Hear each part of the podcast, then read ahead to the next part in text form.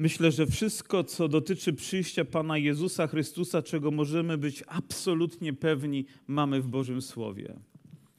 I tak naprawdę mamy tylko w Bożym Słowie. Wszystkie inne rzeczy związane ze znakami, okolicznościami potrzebują zrozumienia, potrzebują interpretacji.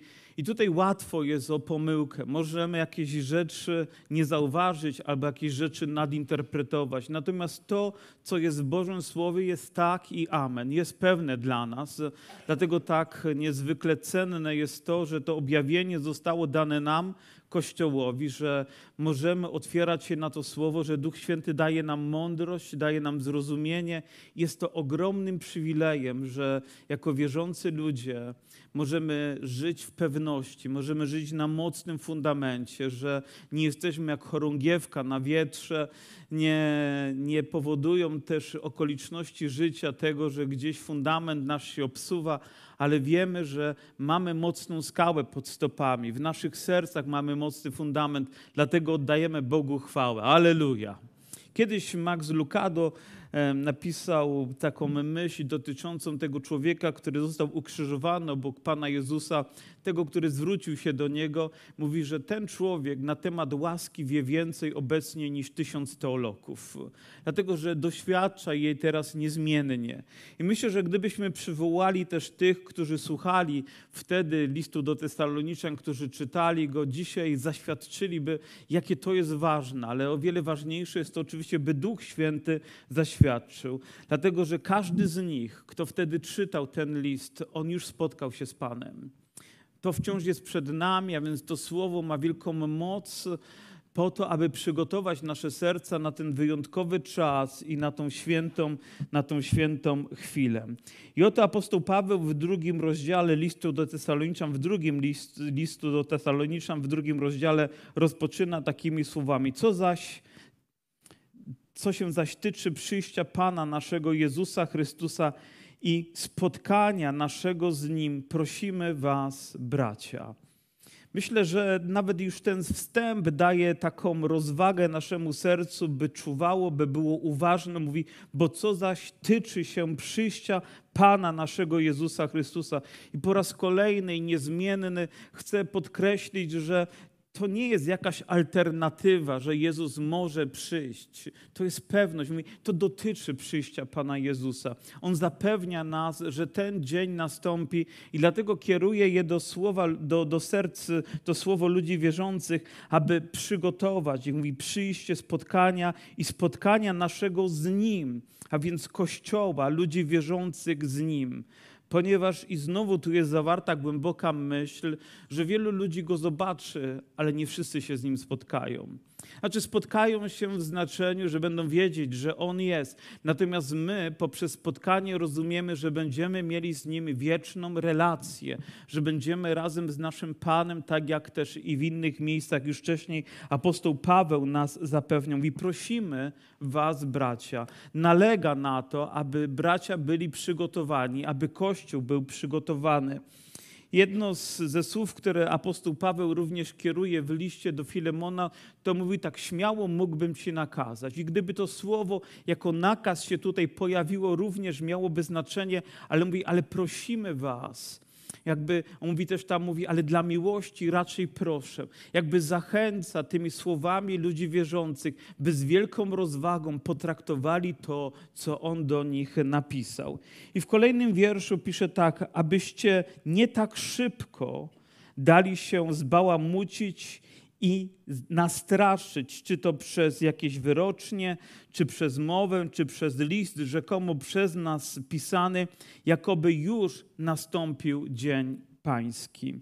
Jest to słowo oczywiście ostrzeżenia, jest to słowo, które powinno powodować jakieś drżenie w naszym sercu i uwagę, że, że ostateczne dni będą charakteryzować się tym, że wieloma różnymi sposobami przeciwnik, który tak, dalej będzie tak nazwany, zrobi wszystko, żeby odwieść nas od Ewangelii, odwieść nas od Bożego Słowa i będzie to robił bardzo skutecznie i rozpocznie od tego, żeby zbałamucić, czyli wywołać jakieś zamieszanie, jakieś poruszenie, zakwaterowanie zakwestionować coś, uczynić coś niepewnym w naszym życiu, a później kolejnym pociskiem, który posyła do, do życia człowieka, jest strach.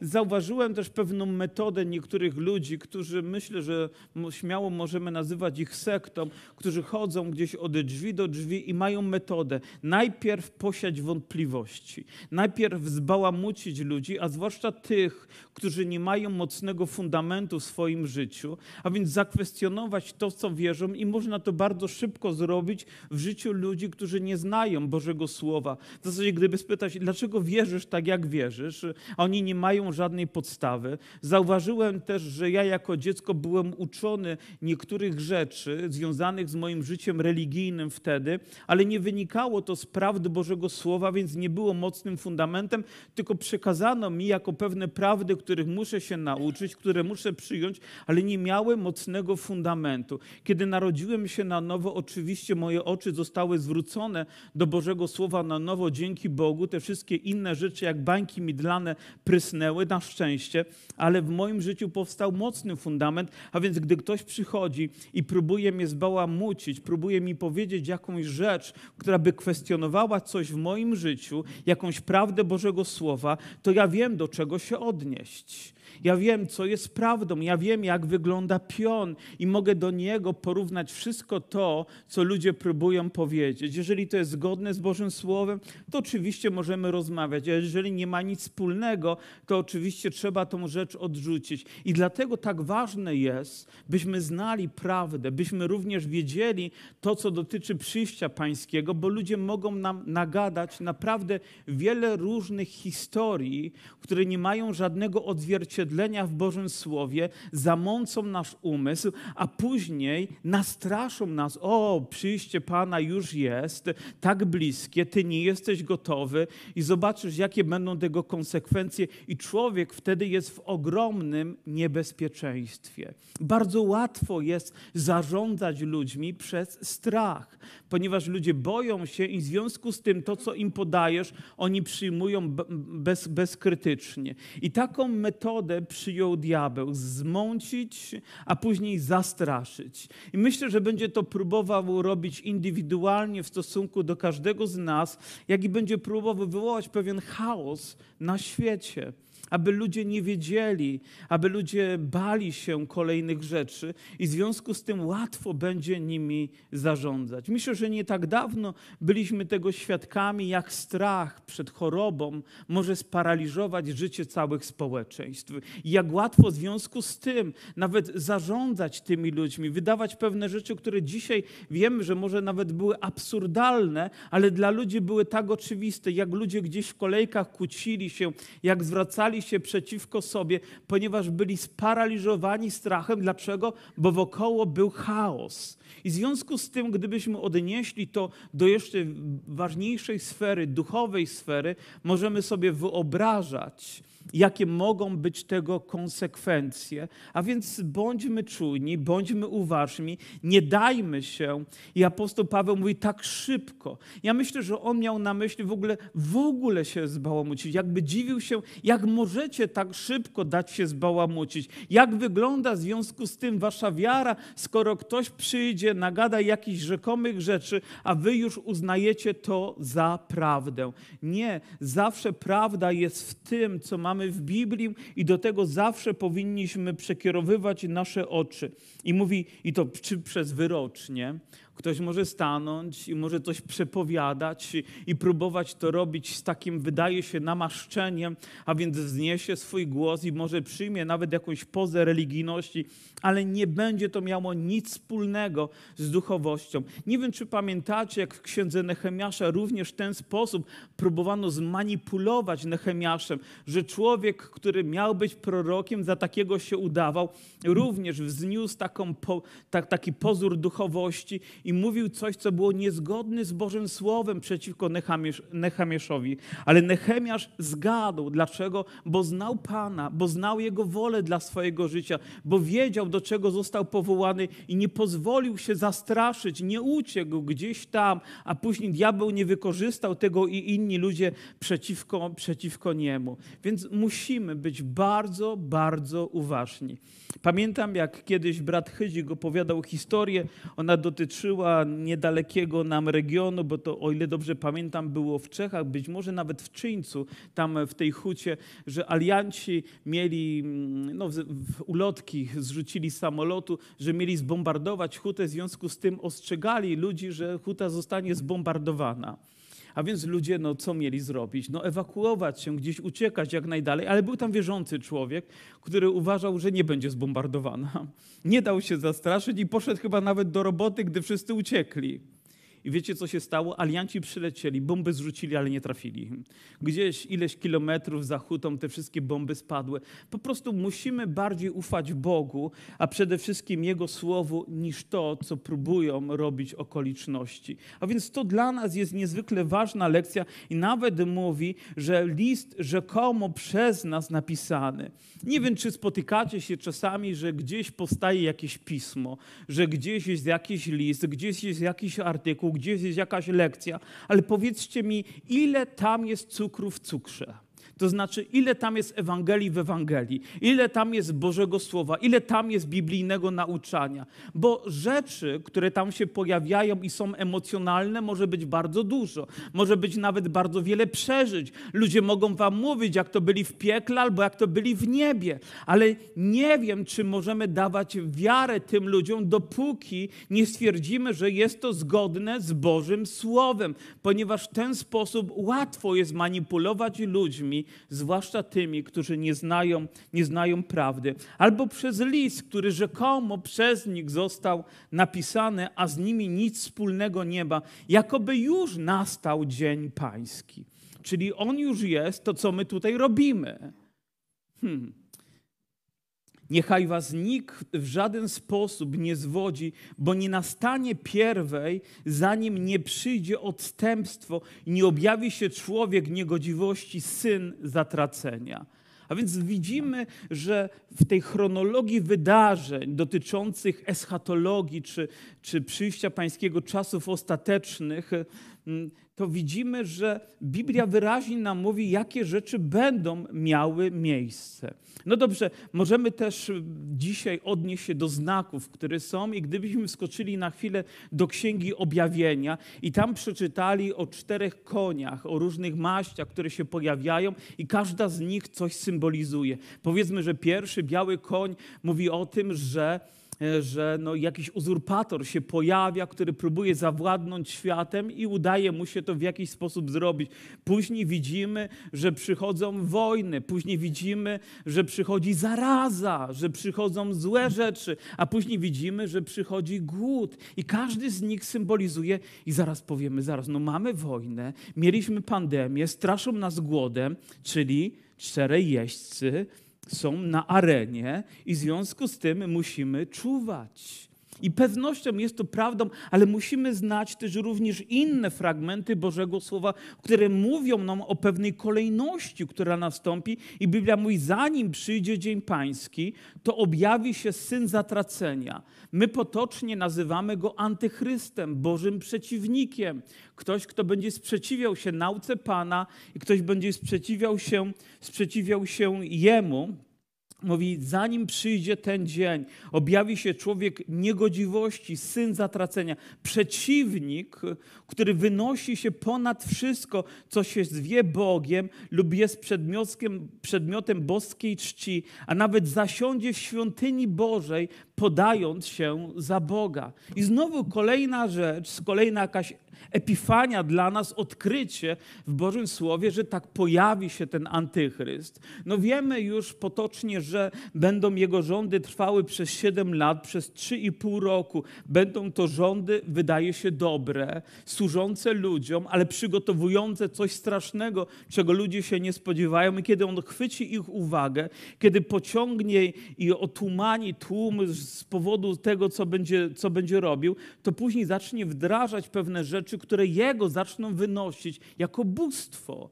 Kogoś, komu trzeba będzie się pokłonić, kogoś, komu trzeba będzie oddać cześć, kogoś, kogo znamie trzeba będzie przyjąć albo na rękę, albo na głowę. Albo niektórzy, jak mówią, może chip będzie nawet nam gdzieś wstrzelony w ciało, który będzie monitorował nasze życie, albo nas będzie monitorował przed kimś. Chociaż muszę przyznać, że niedawno mm, akurat mm, córka poprosiła mnie, żebym z kotem poszedł do weterynarza, bo miał ten kot wyjechać za granicę. Kot za granicę wyjechał, a ja w Polsce zostałem. Ale, no, ale żeby kot mógł wyjechać, musi mieć paszport. A żeby mieć paszport, to musi mieć chip. Trzeba go zaczipować. I zobaczyłem, rzeczywiście wyjął pan doktor szczykawkę i nawet mówi, no, I to, tam był jakieś takie małe urządzenie, igła była dość gruba, także można się trochę wystraszyć, no ale, ale nie tak gruba, żeby zabić, prawda? I gdzieś tam kotu pod skórę tutaj przy szyi z określonej strony nawet wszczyknął to szybko. Kot tylko wąsy postawił do góry uszy i zaraz już było po wszystkim. A później wziął taki skaner i oczywiście odczytał jego kod, a więc można już było wszystko wiedzieć o kodzie. I teraz mówi, napiszemy coś związane z tym, co Państwo chcecie, żeby było widoczne, gdy kod będzie skanowany. A więc jakieś imię, nazwisko, numer telefonu, adres, numer kołnierzyka, buta, co tylko chcecie, można w związku z tym wpisać, co Wam się po prostu żywnie zażyczy. Czy tak może to wyglądać? Tego nie wiemy, ale to może być nawet jeszcze gorsze. Jeżeli z kotem można takie rzeczy zrobić, to co można zrobić z człowiekiem? Jaka technologia może być przygotowana, albo jakie rzeczy, które będą. Ale najgorsze w tym jest to, że będzie ktoś, kto będzie żądał czci, bo jeżeli nie, to nie będziesz mógł kupować, nie będziesz mógł handlować, nie będziesz mógł może do pracy chodzić, kształcić się, a może nawet twoje, twój byt tutaj w jakiś sposób zostanie zagrożony i przyjdą później prześladowania, bo ludzie powiedzą przecież to jest dobre. No jeżeli my będziemy wszystkich monitorować, to nie będzie przestępstw. Wyeliminujemy tych wszystkich narkomanów albo ludzi, którzy niegodnie żyją, no bo wszystkich będziemy mogli monitorować. Życie będzie piękne i bezpieczne. Oj, tak nie będzie. Niestety tak nie będzie. Będzie to ogromnie złudne i ogromnie niebezpieczne dla każdego z nas. Wiecie, nawet pewnego dnia, gdy mówiłem o tym, czy rozmawiałem w takiej potocznej rozmowie z wierzącą osobą, ta powiedziała: O, to wspaniale! Ja byłem przerażony tym, jak ona powiedziała, wspaniale, ponieważ ja nie chcę, żeby ktokolwiek mnie monitorował i wpływał na moje życie oprócz Ducha Świętego oprócz Jego mocy, Jego autorytetu. Ja jestem wolnym człowiekiem stworzonym przez Boga dla Jego chwały i nie mogę pozwolić, żeby ktokolwiek zarządzał moim życiem bez mojej wiedzy i mojego wpływu. A więc musimy być uważni, a do tego jeszcze ta boska cześć, czyli będzie trzeba ostatecznie oddać Mu pokłon. Trzeba będzie pokłonić się, nie wiem, zgiąć kolana, czy zrobić też jakieś wyznanie wiary, czy też być może napisać to w jakimś w jakimś protokole, który będzie przypisany naszemu życiu, że tak, ta osoba czy to bóstwo ma panowanie nad moim życiem. Straszna, okropna rzecz. Biblia mówi, to się objawi.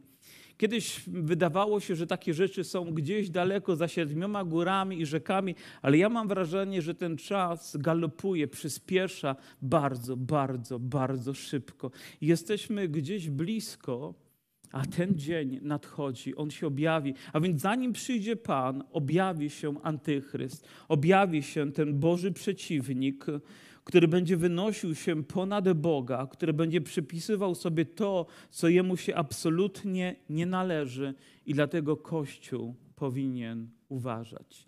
Oczywiście, zanim to nastąpi, my wiemy, że ten duch antychrysta już działa. Wiemy, że już Jego rządy są, że już próbuje jakieś rzeczy wypiętrzyć w naszym życiu, by stały się dla nas bóstwem. Musimy uważać, by tym nie były pieniądze. Musimy uważać, by tym nie były tylko nasze uczucia i emocje i wszystkie rzeczy, które są z tym związane, bo to jest najważniejsze w naszym życiu, żebyśmy przez chwilę byli szczęśliwi, nawet gdyby wszyscy inni mieli być z tego powodu nieszczęśliwi. A więc staje się to zagrożeniem dla społeczeństwa, w którym żyjemy i dlatego widzimy tak wiele rozwodów, dlatego widzimy tak wiele tragedii, ponieważ ludzie odchodzą od Bożego Słowa i to, co dla nich jest przeżyciem, staje się dla nich ważniejsze niż prawda Bożego Słowa i wpływ Bożego Słowa na ich życie.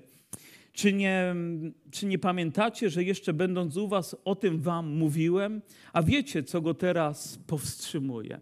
I myślę, że gdy apostoł Paweł mówi, wiecie, to znakiem tego, że wcześniej o tym im mówił, a teraz, ich, teraz im to przypomina, tak iż się objawi dopiero we właściwym czasie. A więc gdyby ktoś z was dzisiaj chciał zadać mi pytanie, to kiedy przyjdzie Pan Jezus?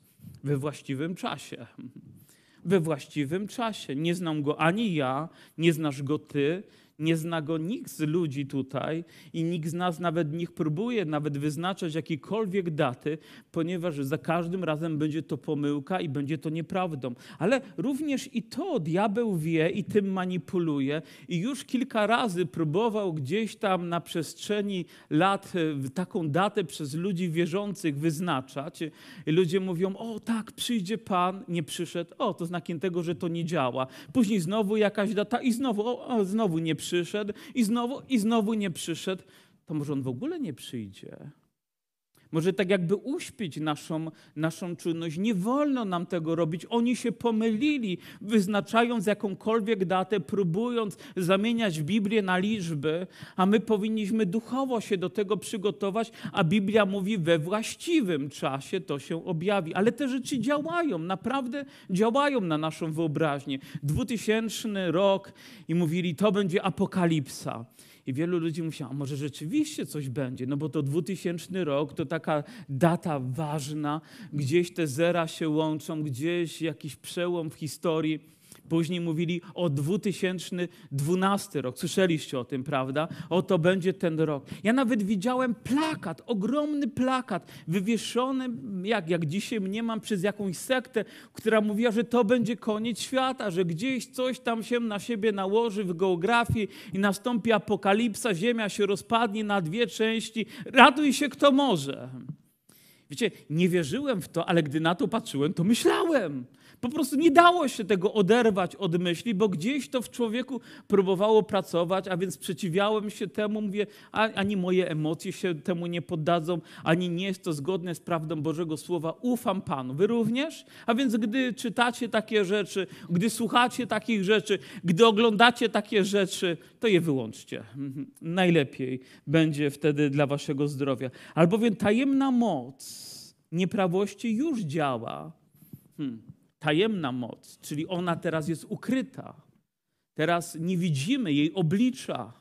I dla wielu ludzi ona nawet może wydawać się dobra.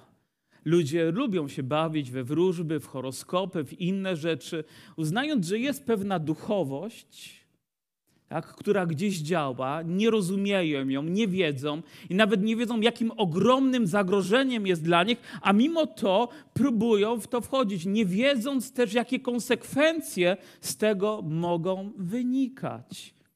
Nieprawości już działa, a Biblia nam mówi, że jest to moc nieprawości co powinno sprawiać, że jeżeli ktokolwiek zaprasza nas do czegoś, co ma podłoże duchowości, a nie wynika z Bożego Słowa, to nie chcemy mieć z tym nic wspólnego.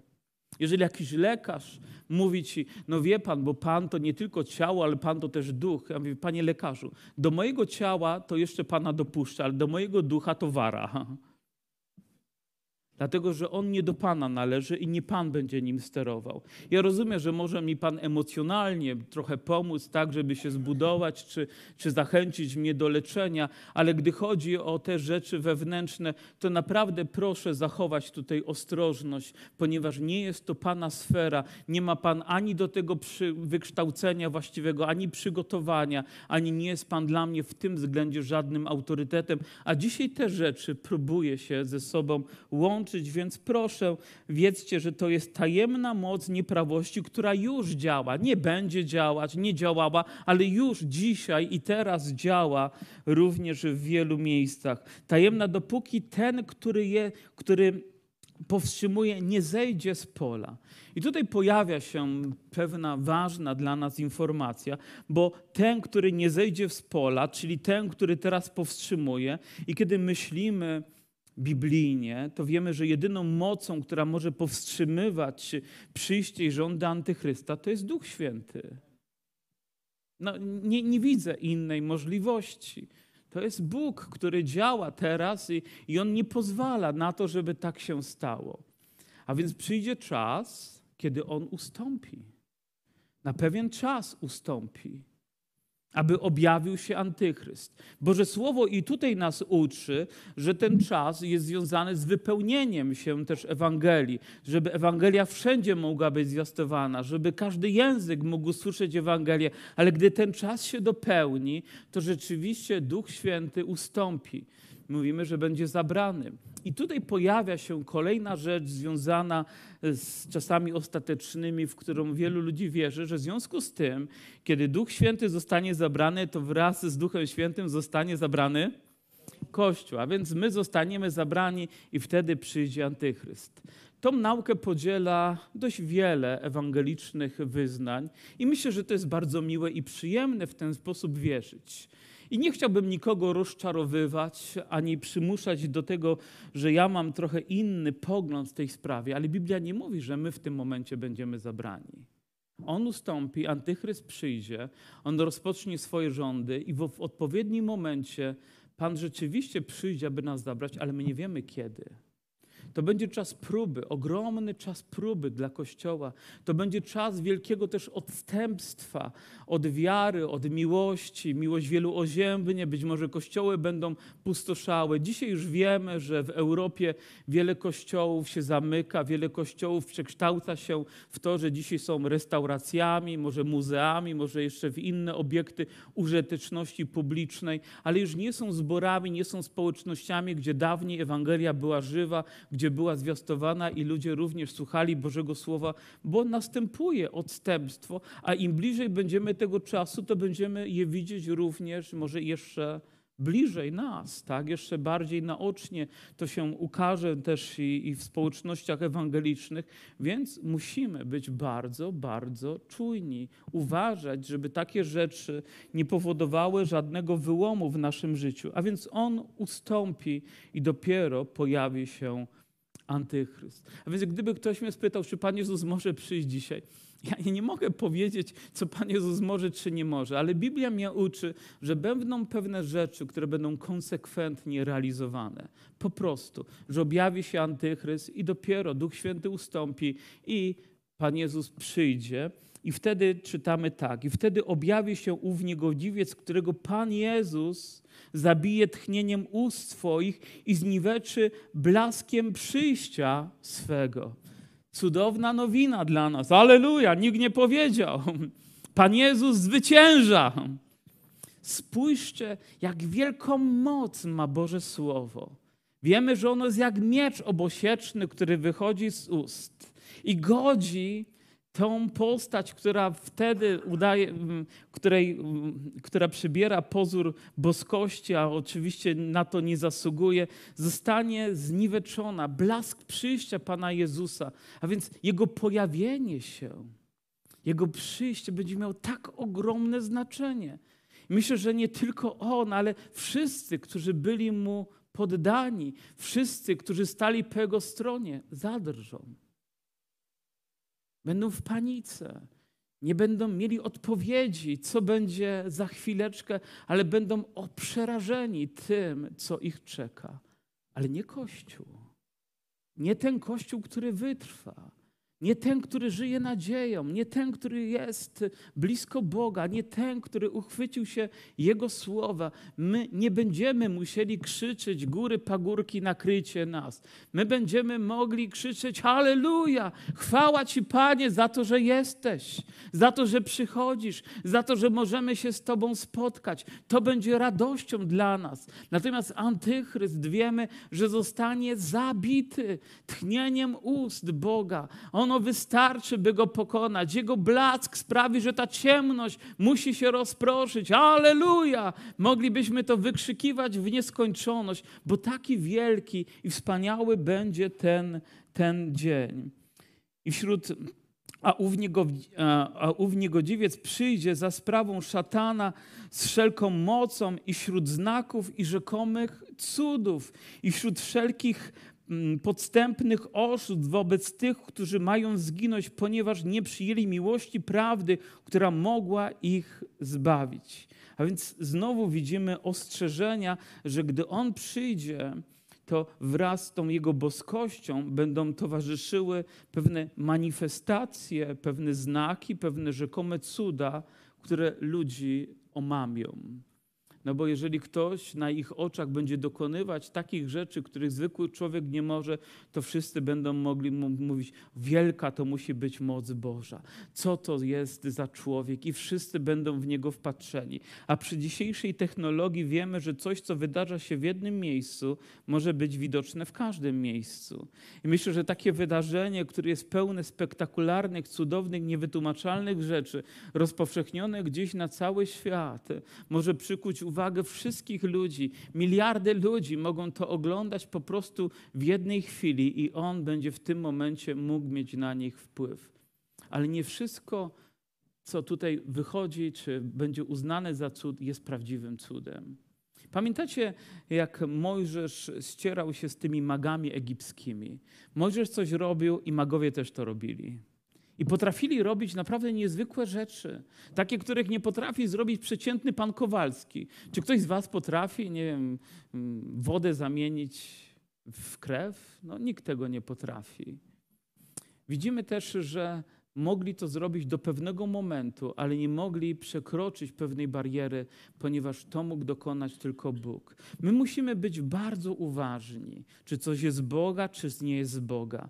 Bo być może nawet i dzisiaj ta tajemna moc nieprawości, i dzisiaj rzekome znaki i cuda mogą się pojawiać, ale pytanie, czy to jest Boga, czy nie z Boga. Po czym poznamy? Po owocach. Po owocach. Po tym, czy ci ludzie rzeczywiście nawracają się, przychodzą, pokutują ze swoich grzechów, przychodzą do Jezusa Chrystusa, wyznają Go jako swojego Pana i Zbawiciela, czy też może to służyć innym celom. Wydaje się dobrym dla ludzi, może nawet wzniosłym. Przecież takie popularne jest słowo, brzmi jak slogan, przecież najważniejsze, żeby być dobrym człowiekiem, prawda? Nie najważniejsze jest to, żeby być wierzącym człowiekiem, tylko po prostu dobrym człowiekiem. Nie każdy sobie wierzy w co tam chce, bylebyśmy żyli wszyscy w pokoju, najlepiej jeździli najlepszymi samochodami, żebyśmy mieli wspaniałe domy i żeby nam się w życiu układało. Ja wam zadam pytanie, skoro jest tak dobrze, to dlaczego jest tak źle? Skoro wszystko to ma taki wymiar, powiedzmy, pseudo-dobroci, to dlaczego na ziemi jest tak źle? Dlaczego jest tyle nieprawości i zła? Bo ta tajemna moc działa. I to wszystko jest tylko oszustwem które próbuje zbałamucić, omamić nas, które po, próbuje pozbawić Boga chwały i odciągnąć nasze serca od prawdy Ewangelii.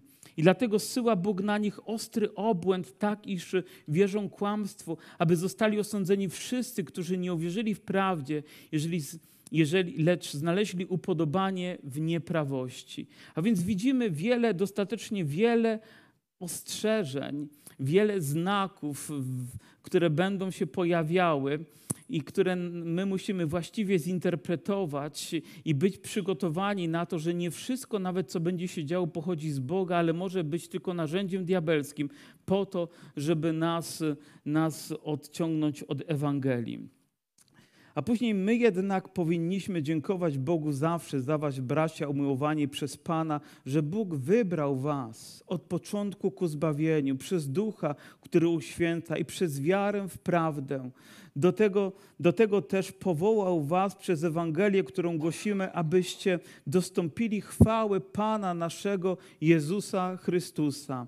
Przeto, bracia, trwajcie niewzruszenie i trzymajcie się przekazanej nauki, której nauczyliście się to, czy to przez mowę, czy przez list nasz, a sam Pan nasz Jezus Chrystus, Bóg i Ojciec nasz, który nas umiłował i dał nam pocieszenie wieczne i dobrą nadzieję z łaski, niech pocieszy serca wasze, utwierdzi was we wszelkim dobrym uczynku i w dobrym słowie.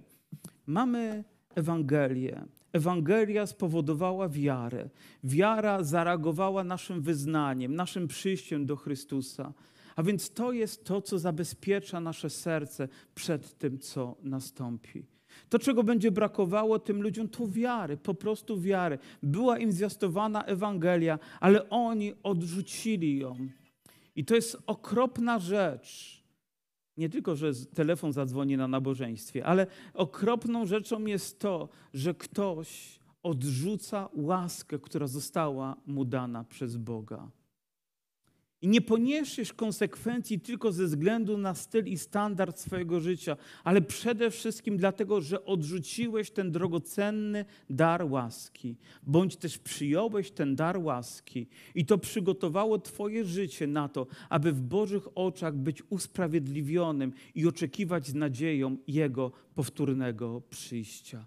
To tak ważne, byśmy uchwycili się tej prawdy, która jest od wieków na wieki niezmienna ta sama, która i dzisiaj na tym miejscu, poprzez to, czego uczy apostoł Paweł w liście do Tesaloniczan, w drugim liście do Tesaloniczan i cały Nowy Testament, i cała Biblia, i Ewangelie, i listy, i Księga Objawienia uczą nas, abyśmy nie lekceważyli tego drogocennego daru, który nam jest dany. On jest tak cenny. On pieczętuje nasze serca, które mówi, że jesteśmy własnością Boga, należymy do Niego przez wiarę.